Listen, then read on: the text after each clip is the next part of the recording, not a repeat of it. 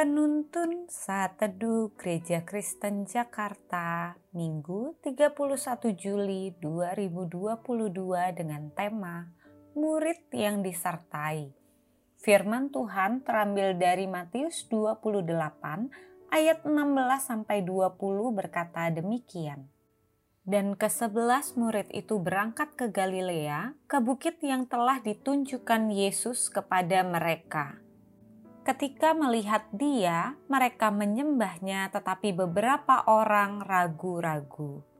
Yesus mendekati mereka dan berkata, "Kepadaku telah diberikan segala kuasa di sorga dan di bumi.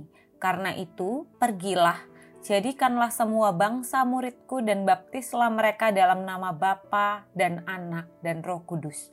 Dan ajarlah mereka melakukan segala sesuatu yang telah kuperintahkan kepadamu dan ketahuilah, aku menyertai kamu senantiasa sampai kepada akhir zaman.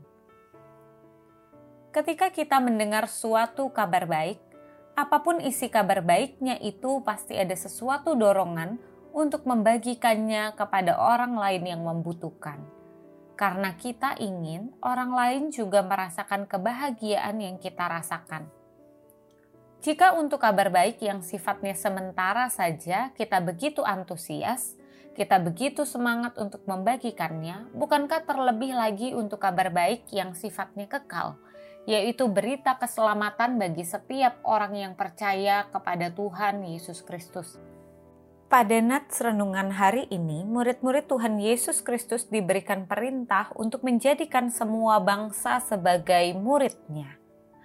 Hal ini yang Tuhan Yesus kehendaki untuk dilakukan murid-muridnya. Tuhan Yesus rindu murid-muridnya bukan saja menikmati keselamatan darinya, tetapi juga menjadi murid-murid yang berjuang untuk memuridkan. Untuk mencapai dan mewujudkan kerinduan Tuhan Yesus tersebut, ia bukan hanya menyampaikan perintah saja, melainkan ia juga memberikan sebuah janji. Ketika mereka melakukannya, mereka tidak pernah sendiri Tuhan Yesus berjanji akan selalu menyertai dan menopang mereka dalam melakukan amanat agungnya tersebut. Saudara yang dikasihi Tuhan, semua orang yang percaya kepada Tuhan Yesus telah menerima anugerah keselamatan. Tuhan Yesus tidak menghendaki kabar baik tersebut kita simpan sendiri saja, melainkan dibagikan juga kepada orang yang kita temui. Dalam melakukan hal tersebut memang tidak mudah tapi kita tidak perlu minder karena kita tidak melakukannya sendiri.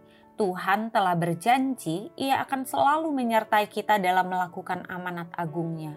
Bagian kita adalah menyerahkan diri kita untuk dimuridkan olehnya, sehingga kita dimampukan untuk memuridkan orang lain. Dalam hal ini, kita perlu memiliki relasi yang intim dan keberserahan penuh di dalam dan kepada Tuhan Yesus Kristus kuasa dan penyertaan Tuhan memampukan untuk melakukan amanat agungnya.